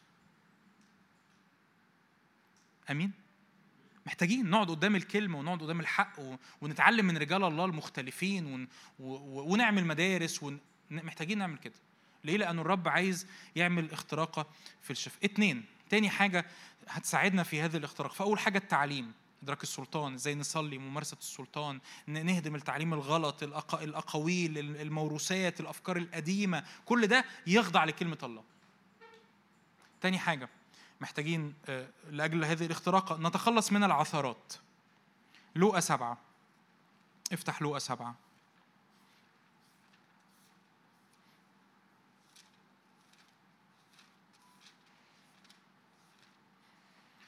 لوقا سبعة عدد 18 يوحنا المعمدان كان مسجون. فبعت تلاميذه يسألوا الرب يسوع هو أنت أنت بجد المسيا ولا إحنا مستنيين حد تاني؟ فلما عدد عشرين لما جاء إليه الرجلان قال يوحنا المعمدان أرسلنا إليك. عدد واحد وعشرين في تلك الساعة ده الرب يسوع شفى كثيرين من أمراض وأدواء وأرواح شريرة وهب البصر لعميان كثيرين.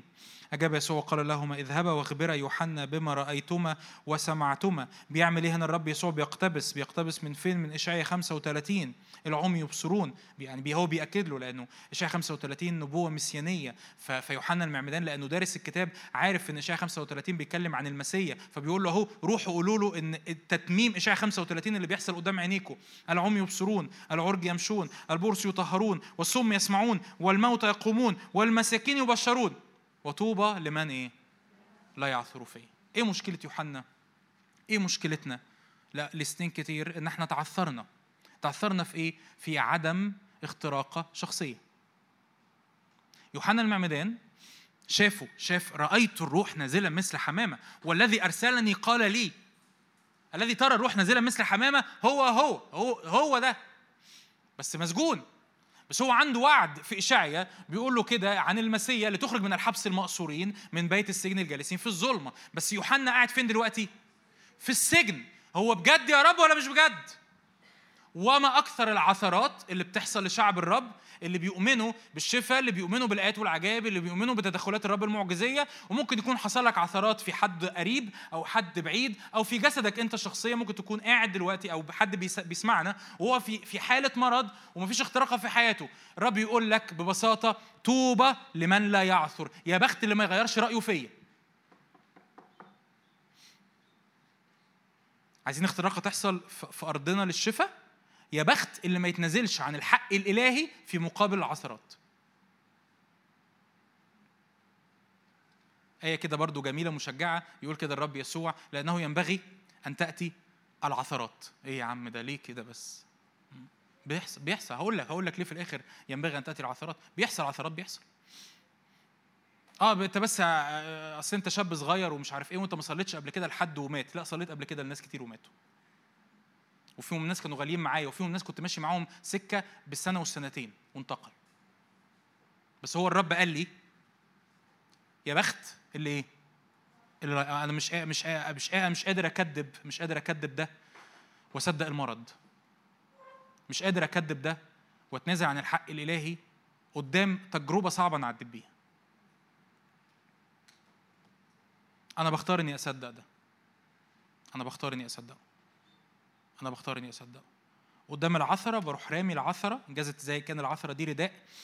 آه، متسخ بيترمي عليك. أنا بروح رامي رداء المتسخ وأقول يا رب أنت قلت طوبى لمن لا يعثر فيك. وأرجع أنا بعمل كده. أروح راجع فاتح الآيات وفاتح قصص الشفاءات اللي الرب عملها وفاتح القصص في أعمال الرسل واتفرج على الرب واقول له إيه ده إيه ده يا رب إيه ده إيه ده العمي يبصرون الصم يسمعون العرج يمشون البرص يطهرون والموتى يقومون والمساكين يبشرون. طب يا رب أعمل إيه في اللي أنا بعدي بيه ده؟ رب يقول لي طوبى لمن لا يعثر فيه يا بخت اللي يفضل متمسك للاخر يا بخت اللي يفضل ثابت فيا للآخر يا بخت اللي ما يجيش في نص السكة بسبب العثرة يغير رأيه. في ناس في ناس في ناس على رأسي من فوق حقيقي بس في ناس في النص بتغير رأيها. ما غير رأيي لو حاجة لو حاجة ممكن أغير رأيي طبعا غيرت رأيي في حاجات كتير قبل كده بس غير رأيي لو في حق كتابي يسند الرأي ده.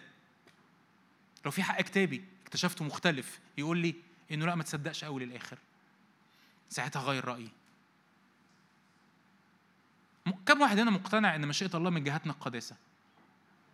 كلنا. طب كم واحد هنا بالرغم إن أنت مقتنع إن مشيئة الله من جهتنا القداسة إن أوقات بتقع في خطية؟ من غير ما ترفع إيدك. كلنا برضو. هل ده يغير في مفهومك عن رغبة الرب للقداسة بتاعتك؟ لا. ليه؟ ده ليه علاقة بنقطة كده هقولها دلوقتي بالمرة آه، يعني هسبق يعني كاتبها فهقولها بالمرة. مش في الترتيب بس هقولها. ده ليه علاقة بحاجة اسمها الإيمان الجمعي. الإيمان الجمعي. الإيمان الجمعي بتاع الكنيسة لسنين كتير اتهدم في الشفاء الإلهي. هشرح يعني إيه. يعني حضرتك حد كم حد سمع حاجة اسمها نهضة الإصلاح أو حركة الإصلاح؟ مش مش معانا؟ كان في في سنة 1500 و 1600 كان في حاجة اسمها عصور وسطى عصور مظلمة الكنيسة عدت بيها الكنيسة في الغرب عدت بيها. الظلمة دي لدرجة إيه يعني؟ الظلمة دي لدرجة إنه ال ال ال ال ال الخلاص بيشترى بالفلوس. يعني إيه خلاص بيشترى بالفلوس؟ يعني أنا بعدي أنا وقعت في خطية أو أو كذا فأنا أروح لل... لل... للقسيس الكاثوليكي أقول له معلش بس إحنا عايزين حاجة اسمها صك غفران. أدفع فلوس آخد حاجة اسمها إيه؟ صك غفران يطمني إن أنا الحمد لله خطيتي مغفورة. فحصل حاجة اسمها حركة الإصلاح. مارتن لوثر جون كالفن وناس غيرهم كتير على مدار السنوات وسنوات ابتدوا يكتشفوا الكنوز اللي مكتوبة في الكتاب المقدس. روميا روميا أربعة وروميا خمسة إن إبراهيم لم يخلص بالأعمال لكن خلص بالإيمان وهكذا حاجات كتير كتير. فبقى عندنا قناعة اترسخت فينا كلنا بلا استثناء إن الخلاص بالإيه؟ بالإيمان. بس القناعة دي اخذت سنين عشان تتبني. الشفاء الإلهي إحنا لسه برضو بسبب رفض حركة الشفاء الإلهي وبسبب رفض الآيات والعجائب لسنين كتير فقدنا هذا الإيمان. فبالرغم إن إحنا كلنا متفقين إن مشيئة الرب هي قداستنا وبرغم برضو إن إحنا كلنا متفقين إن ممكن أقع في خطيه ممكن يعني إن أخطأ أحد يعني مش بقول إن ده القاعدة لكن ممكن أقع في خطيه لكن عمري ما برفض فكرة إن الرب عايزني أعيش في حياة إيه؟ ليه؟ لأن التعليم الجمعي الإيمان الجمعي بتاع الكنيسة رسخ الفكرة دي. أنت بتطلع في مدارس أحد طفل ورور كده جميل بتقول الله محبة أنت متعلم من وأنت طفل إن إن الرب يسوع بيحبك إن الرب عايزك تعيش في قداسة. صح؟ هيجي بقى في يوم من الأيام إيمان جمعي ولادنا وأحفادنا بيؤمنوا من هم صغيرين إن إحنا لما بنعيا بنصلي ورب بيشفينا. فإيه النقطة الثالثه اللي تصنع اختراقا للشفاء؟ حاجة اسمها إيمان جماعي. إن الكنيسة كلها تؤمن وتخترق لأجل الشفاء. الكنيسة ده أنا وأنت. ما تبصش على قادة ما تبصش على طوايف ده أنا وأنت الكنيسة. هتقول لي هو ينفع إيمان فرد سوري ينفع إيمان الجماعة آه، يمنع شخص إنه يمتلك آه، امتلاك فردي؟ هقول لك آه، مش عايز أدخل كتير قوي في الموضوع ده الموضوع ده يعني يعني صعب شوية. لكن لكن ببساطة إحنا عندنا القصة بتاعت كالب ويشوع اللي كان عندهم إيمان إن هم يمتلكوا لكنهم لم يمتلكوا بسبب وجودهم في جماعة لا تؤمن بالامتلاك. ولم يقدروا أن يدخلوا لسبب عدم الإيه؟ كالب ويشوع كان عندهم إيمان. صح ولا إيه؟ لكن في شعب كامل ما عندوش إيمان. فللأسف كالب ويشوع ما امتلكوش. امتلاكهم اتأجل. لحد ما اتوجد جيل يؤمن. قناعتي ممكن تتفق أو تختلف معايا لكن قناعتي الشخصية إن الإيمان الجماعي بتاع الكنيسة بيفرق. هقول لك دليل تاني. الرب في كل الأحوال هو الرب الشافي صح ولا غلط؟ فإحنا مش متصالحين. حد هنا بيتص... المفروض يعني ما تتصالحش مع الخطية ما تتصالحش مع النجاسة ولا تتصالح مع المرض. ما. ما تسألش إذا كانت الخطية من ربنا ولا لأ صح؟ ما تسألش كمان إذا كان المرض من ربنا ولا لأ. مش من الرب ما تسألش إذا كان يمكن يكون ربنا بعته ما, ما بعتوش. سمح بيه ما سمحش بيه. إحنا في حالة حرب. ده دي تفسير آه، لو حد عايز يرجع تاني يعني يستفيد أكتر في الحتة دي تاني هقول في New Life Academy في في الجزء الثاني اللي هو آه، نهر الملكوت في تعليم كامل اسمه مشكلة الشر والألم. ممكن يرجع له بالتفصيل. إحنا في حالة حرب. مش شرط نعرف فين الغلط. يعني مش مش شرط نعرف طب هو المشكلة حصلت فين؟ طب يمكن ما كانش عنده إيمان. يمكن ما كانش عنده إيمان. يمكن كان في خطية في حياته. يمكن. ويمكن ما كانش في خطية ويمكن كان الراجل عنده إيمان. بس إحنا في حالة حرب. ده يقول لي ببساطة ده يقول لي إن أنا عطشان لحاجة اسمها استعلان ملكوت الله. الملكوت الله يعلن للآخر يدس الآخر لما الرب يسوع كان موجود طب ليه الرب يسوع لما كان موجود؟ إحدى الأسئلة اللي ممكن تطلع في دماغك. طب ليه الرب يسوع لما كان موجود كان نسبة نجاحه في الشفاء كان 100% لأن الرب يسوع هو صورة الله غير منظور. ما كانش فيه أي حاجة جواه اسمها خطية أو دنس أو فكر غلط أو صح ولا إيه؟ صح ولا إيه؟ ده يقول لي برضو إن أنا عليا دور في هذه الاختراقة. إن القداسة تزيد في حياتي. إن محبتي للنفوس تزيد في حياتي محبتي للرب تزيد في حياتي إن خضوعي للروح القدس يزيد في حياتي. فملكوت الله كان معلن 100% في يسوع المسيح. فينفع ملكوت الله برضو يبقى معلن فيا؟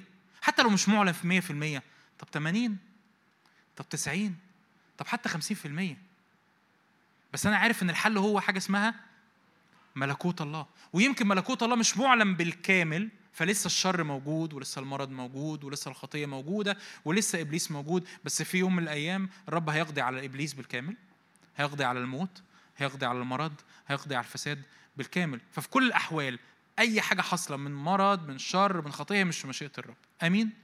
ببساطة كده أقول جملة كده في الآخر. طب إزاي الشفاء ده أستقبله في حياتي؟ بالإيمان. ببساطة. محتاج تتعلم إحدى الحاجات اللي محتاجين نتعلمها إن إحنا نمارس إيماننا. اني اقعد قدام الكلمة وأقرأ وأعلن بسلطان يا رب أشكرك لأن أنا بجلدتك شفيت وأبص لنفسي في المراية وأكلم جسدي هذا الجسد بجلدة الرب شوفي يا رب أشكرك وأبتدي أشكر الرب وأسبح الرب على اللي عمله في جسدي بجلداته أشكرك يا رب لأن أنا نلت الشفاء بالفعل لما أنت اتجلدت أشكرك يا رب لأن أنا بجلدتك شفيت بالكامل أشكرك يا رب لأن كل مرض فيا أنا بنتهره في اسم يسوع وبستقبل شفاء بهذه الطريقة ببساطة. قاعد في خادم يصلي لك أمين. مفيش خادم يصلي لك أنت مش محتاج خادم يصلي لك. لأنه في كل الأحوال أنت بجلدة الرب. شفيت. أمين.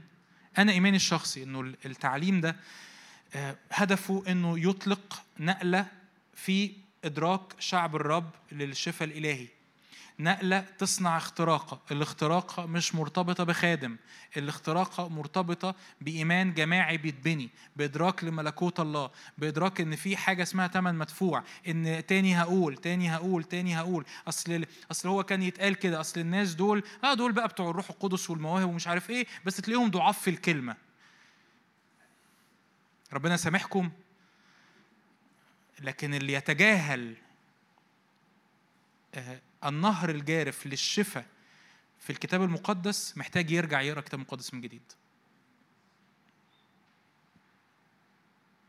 الرب بيقيم تعليم قوي بيقيم ناس ممسوحين مليانين بالكلمة مليانين بالحق عارفين الكتب وقوة الله. الرب يريدنا ان أن نعرف الإيه؟ الكتب وقوة الله. عشان كده اتكلمنا عن الأساسات اتكلمنا عن أمور تطلق النهر ده مش بس هنا ببساطة يعني الوقت الوقت الجاي ده عايزين نعظم الرب نعظم الرب على عمله على على صليبه على خلاصه على على شفائه لينا بجلداته هنعظم الرب نشكر الرب نحتفل بالرب آه، اشكرك يا رب لأنك صنعت عمل كامل. أنت عملك مش قليل عملك مش ضعيف. نطرح العثرات ونطرح عدم الإيمان ونطرح التفشيل اللي اترمى على كنايسنا وعلى على قناعاتنا وعلى أفكارنا. يمكن يكون اللي محتاج تعمله من النهارده إنك تاخد خطوات جادة في التعليم. مش إنك تسمع وعظات زيادة. يمكن اللي محتاج تعمله من النهارده إنك تبتدي تقرأ كتب. تتفرج على اجتماعات فيها شفاءات بتحصل تبتدي تتعلم تقول يا رب اطلقني اطلق إيدي اطلق إيدي في في شفاءات وأبتدي أتحرك بشكل عملي حقيقي في إطلاق آه، هذه النعمة اللي الرب أطلقها لينا في العمل الكامل وفي الخلاص الكامل. هللويا.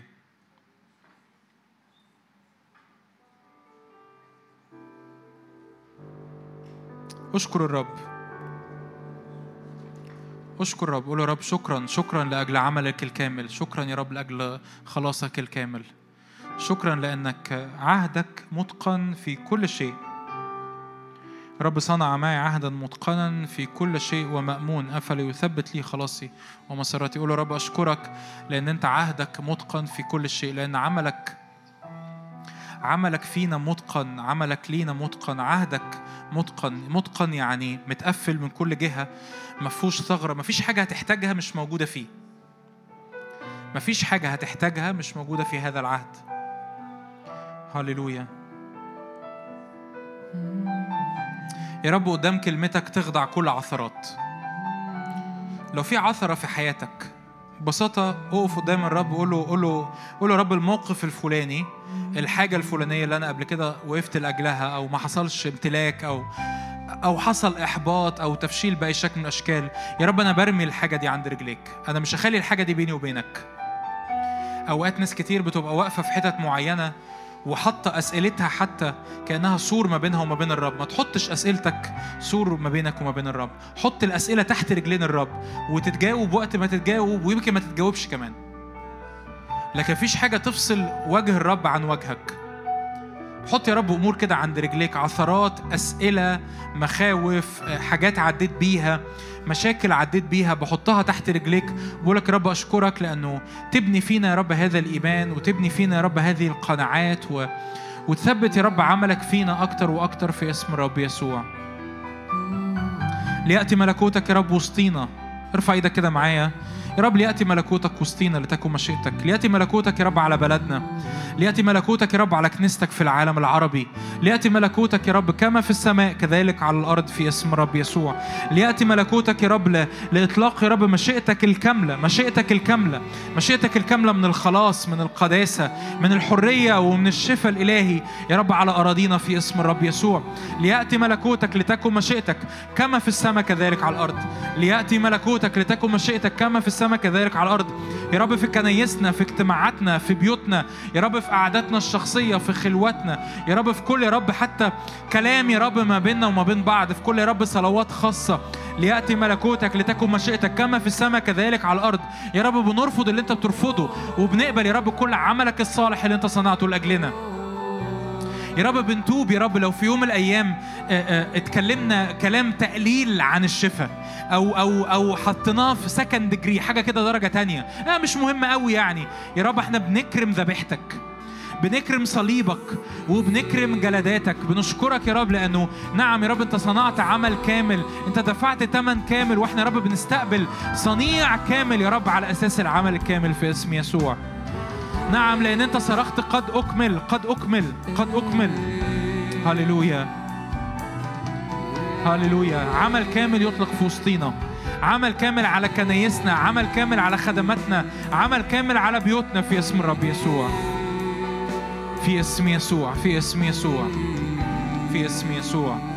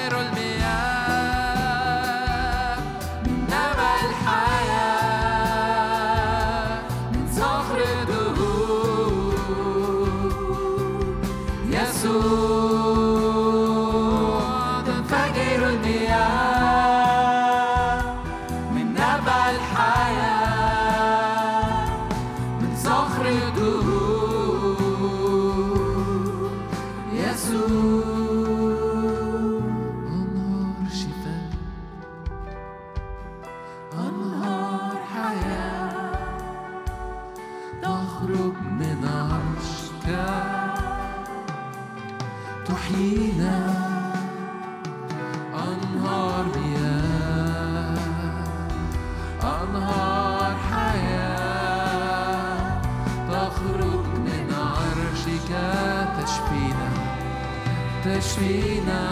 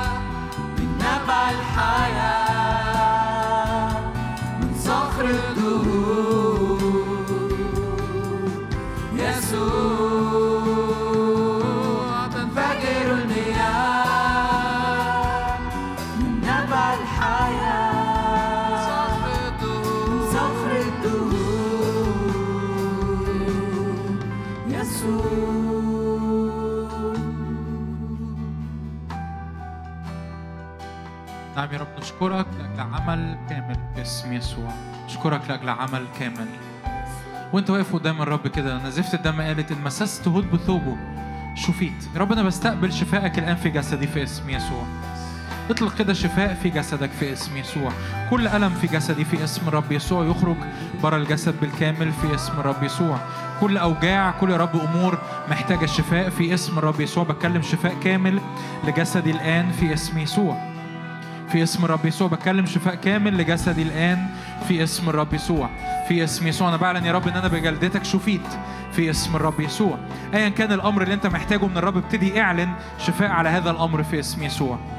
بعلن يا رب شفائك على عينيا شفائك على وداني شفائك يا رب على أي أمور في الأحشاء في اسم الرب يسوع. شفاء الرب على الهرمونات اللي في جسدي في اسم الرب يسوع. لو في أي حد هنا بيعاني من نزيف في الدم في اسم الرب يسوع شفاء كامل الآن. في اسم يسوع يتوقف هذا النزيف الآن. في اسم الرب يسوع في اسم الرب يسوع.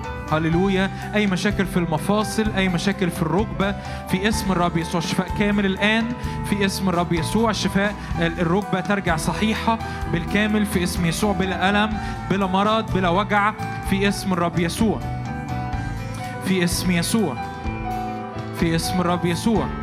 نعم حضور الرب يلمس حضور الرب يشفي. اعلن كده جلدات الرب. قول اعلن كده. نعم يا رب اشكرك لأن أنا بجلدتك شفيت ابتدي اعلن هذه الكلمات على جسدك. اعلن هذه الكلمات على حياتك. يا رب اشكرك لأن أنا بجلدتك شفيت في اسم الرب يسوع. نعم يا رب اعلن شفائك يا رب على جسدي بالكامل في اسم يسوع. في اسم الرب يسوع. نعم يا رب شفائك يا رب اللي يغطي بيتي اللي يغطي أرضي اللي يغطي ولادي اللي يغطي أبوابي في اسم الرب يسوع. نعم لا يكون عاثر في وسطنا لا يكون عاثر في وسطنا بل قوة الرب لشفائنا الآن اللي تلمس اللي تحيي اللي تقيم في اسم الرب يسوع. قوة الرب اللي شفائنا في اسم الرب يسوع في اسم يسوع.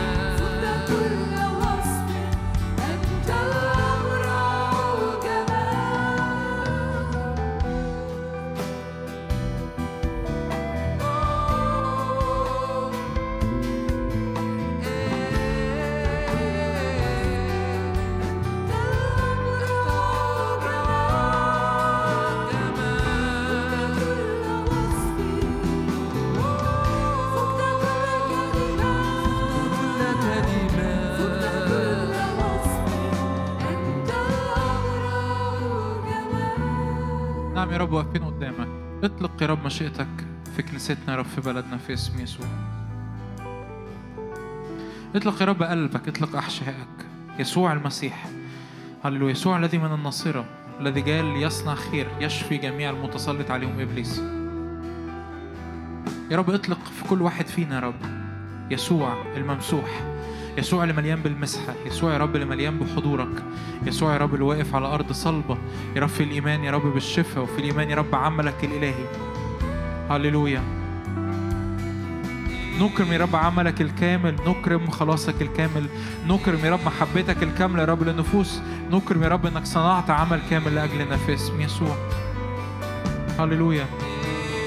اطلق مجتمعات مليانة بالنهضة اطلق مجتمعات مليانة يا رب الآيات والعجائب يا رب في كل كنيسة في كل مجموعة في كل رب قعدة صلاة في كل بيت يا رب في كل مجموعة تلمذة اطلق يا رب إيمان يا رب غير عادي قول يا رب نعم في اسم الرب يسوع يا رب أنا بقف قدامك لأجل حرية من كل عثرات حرية من كل عدم إيمان لأجل بناء إيمان يا رب مختلف الوقت اللي جاي في اسم الرب يسوع لأجل يا رب حركة بإيمان في اسم الرب يسوع أرجلنا يا رب تدوس الحياة والعقارب وكل قوات العدو ولا يضرنا شيء في اسم الرب يسوع. نعم يا رب أرجلنا تدوس يا رب كل مرض كل موت كل سلب يا رب كل يا رب أمور يا رب آه، آه، ضيقت على الخليقة. نعم يا رب لأن الخليقة منتظرة استعلان أبناء الله. يا رب ونريد يا رب أن نكون من هؤلاء الأبناء يا رب اللي بيحملوا خلاص يسوع وعهد يسوع في كل مكان وموضع. أنت ترسلنا ليه في اسم يسوع في اسم الرب يسوع.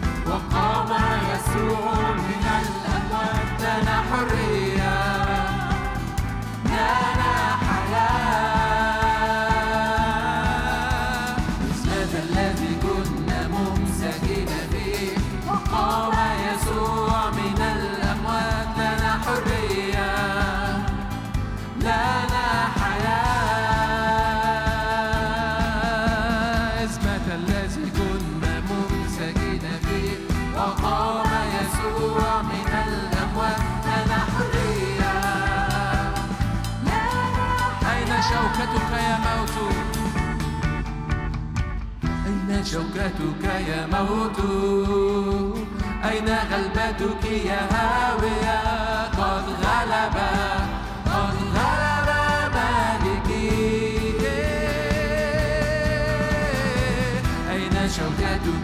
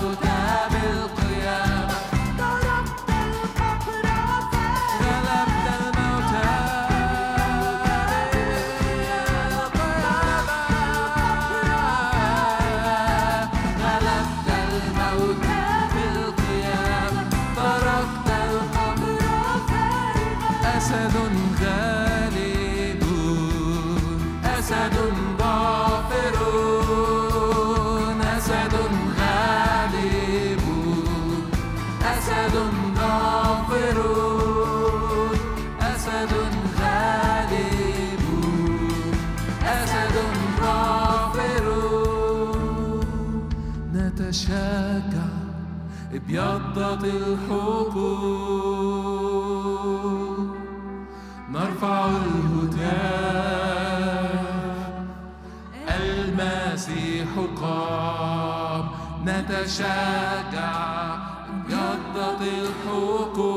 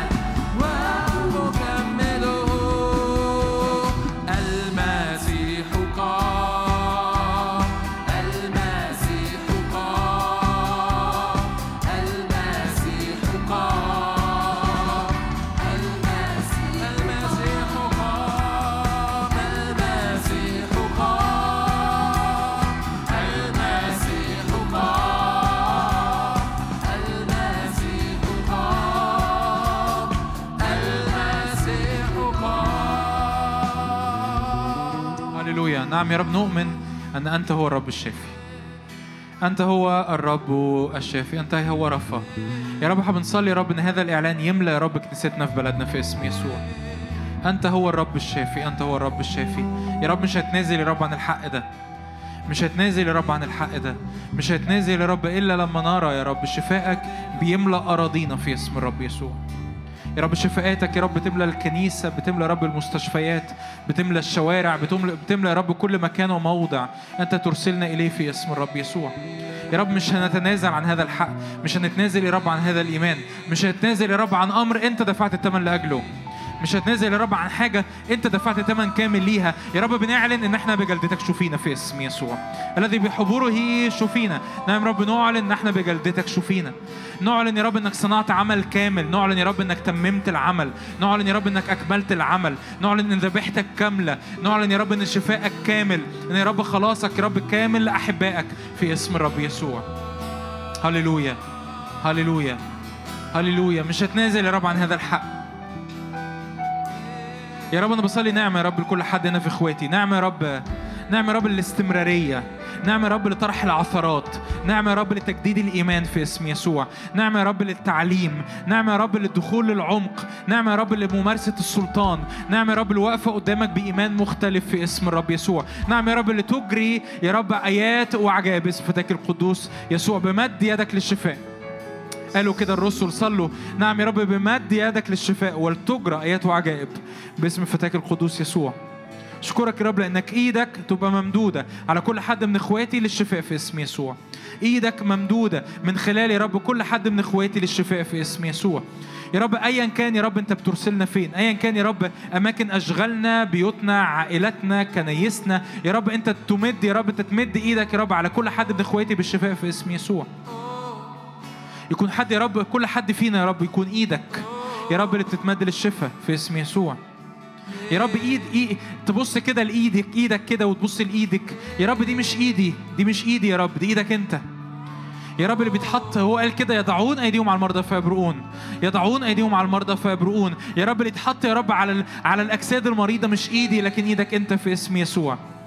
اللي يتحط كده يا رب على الأذهان المضطربة مش إيدي لكن إيدك أنت في اسم رب يسوع. انت قلت يا رب نضع ايدينا على المرضى فيبرؤون في اسم يسوع. ردد هذا الحق كده نضع ايدينا على المرضى فيبرؤون نضع ايدينا على المرضى فيبرؤون في اسم يسوع. دي حق دي آية. مرقس 16 نضع ايدينا على المرضى فيبرؤون نشفي مرضى نطهر برص نقيم موتى نخرج شياطين في اسم الرب يسوع. ده حق كتابي. ده حق كتابي ده حق كتابي. يقول كده يسوع دعا الذين أرادهم فذهبوا ليه؟ أعطاهم سلطانا على شفاء الأمراض وإخراج الشياطين. يا رب أشكرك لأنه لما بنقعد عند قدميك أنت بتسكب سلطان على شفاء الأمراض واخراج الشياطين في اسم الرب يسوع. دي مش إيدينا يا رب دي إيديك. دي مش إيدينا ده ده إيديك يا رب. ده مش سلطاننا ده سلطان اسم يسوع. هللويا.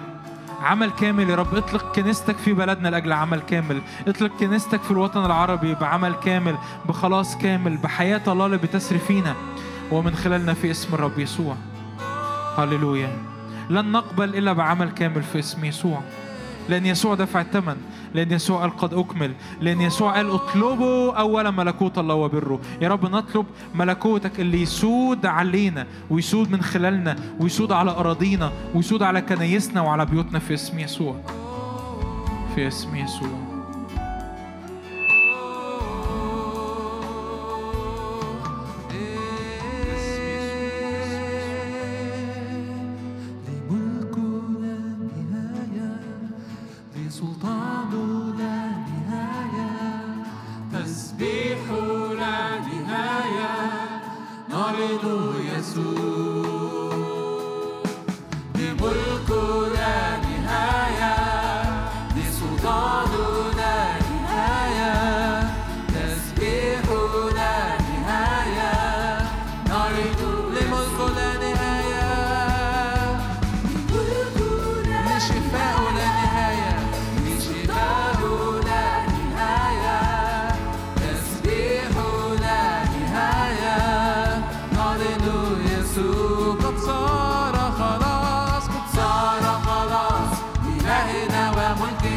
صار فداء لشعبه بدمه قد صار خلاص.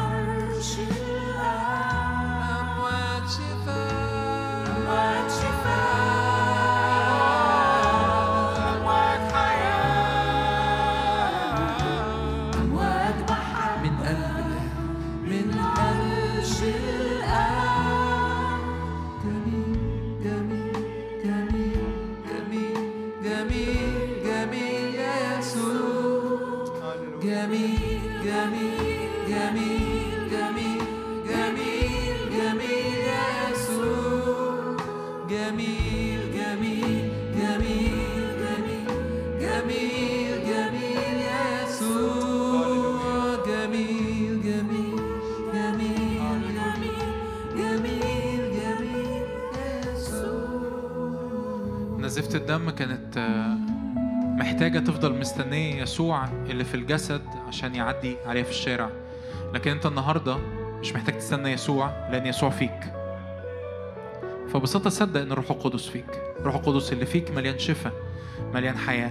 اعلن كده ببساطة لو في أي حاجة في جسدك مريضة اعلن كده. أنا بعلن في اسم يسوع. حياة الله الآن تسري في الجزء المريض. بعد كده في اسم الرب يسوع. جسدي يخضع لكلمة الرب. أنا بجلدة الرب شفيت في اسم يسوع. أنا بعلن إني بجلدة الرب شفيت في اسم الرب يسوع. يا رب أنا بعلن يا رب أجواء يا رب من الحياة أجواء من السلام أجواء من الشفاء. تغمرنا تغمر بيوتنا تغمر عائلتنا تغمر أراضينا كنايسنا اجتماعاتنا في اسم الرب يسوع. نمتلئ يا رب من هذه النعمة نمتلئ من اختبارات يا رب الشفاء اللي تغطي أراضينا في اسم الرب يسوع. نعم يا رب امنح عبيدك أن يتكلموا كلامك بكل مجاهرة بمد يدك للشفاء. بمد يدك للشفاء ولتجرى آيات وعجائب باسم فتاك القدوس يسوع في اسم يسوع. نشكرك يا رب لأجل عمل كامل نشكرك لأجل صنيع كامل. نشكرك يا رب لأنه بنقبل كل عطية من عطاياك وبنمجدك عليها وبنقولك يا رب شكرا شكرا شكرا شكرا لأنك صنعت عمل كامل وخلاص كامل وفداء كامل وقيامة كاملة في اسم يسوع. يا رب لن ننحني قدام يا رب الظروف لن نتعثر لن نمتلئ بعدم الإيمان لكن يا رب اجعل جباهنا كالماس أصلب من الصوان في اسم رب يسوع فيحاربوننا ولا يقدرون علينا في اسم رب يسوع. في اسم الرب يسوع. يا رب بصلي كده صلوة أخيرة صليها معايا. يا رب اطلق شعب مليان بالإيمان اطلق شعب مليان بالتعليم اطلق شعب مليان بالحق اطلق شعب مليان بالمسحة وبالروح القدس اطلق شعب يا رب لا تعوزه الكلمة ولا تعوزه قوة الله. في اسم الرب يسوع. ثبت يا رب رجلينا على أساسات في الكلمة في الحق في العمق. يا رب الاختبارات جاية يا رب غير عادية في اسم الرب يسوع لأن اللي انت صنعانه صنعه فينا ومن خلالنا رهيب في اسم الرب يسوع رهيب في اسم الرب يسوع. هللويا. بنحبك يا رب نشكرك لأجل كل كلمة كل تعليم كل حق كل مسحة كل أمر سكبته فينا في اسم الرب يسوع. هللويا.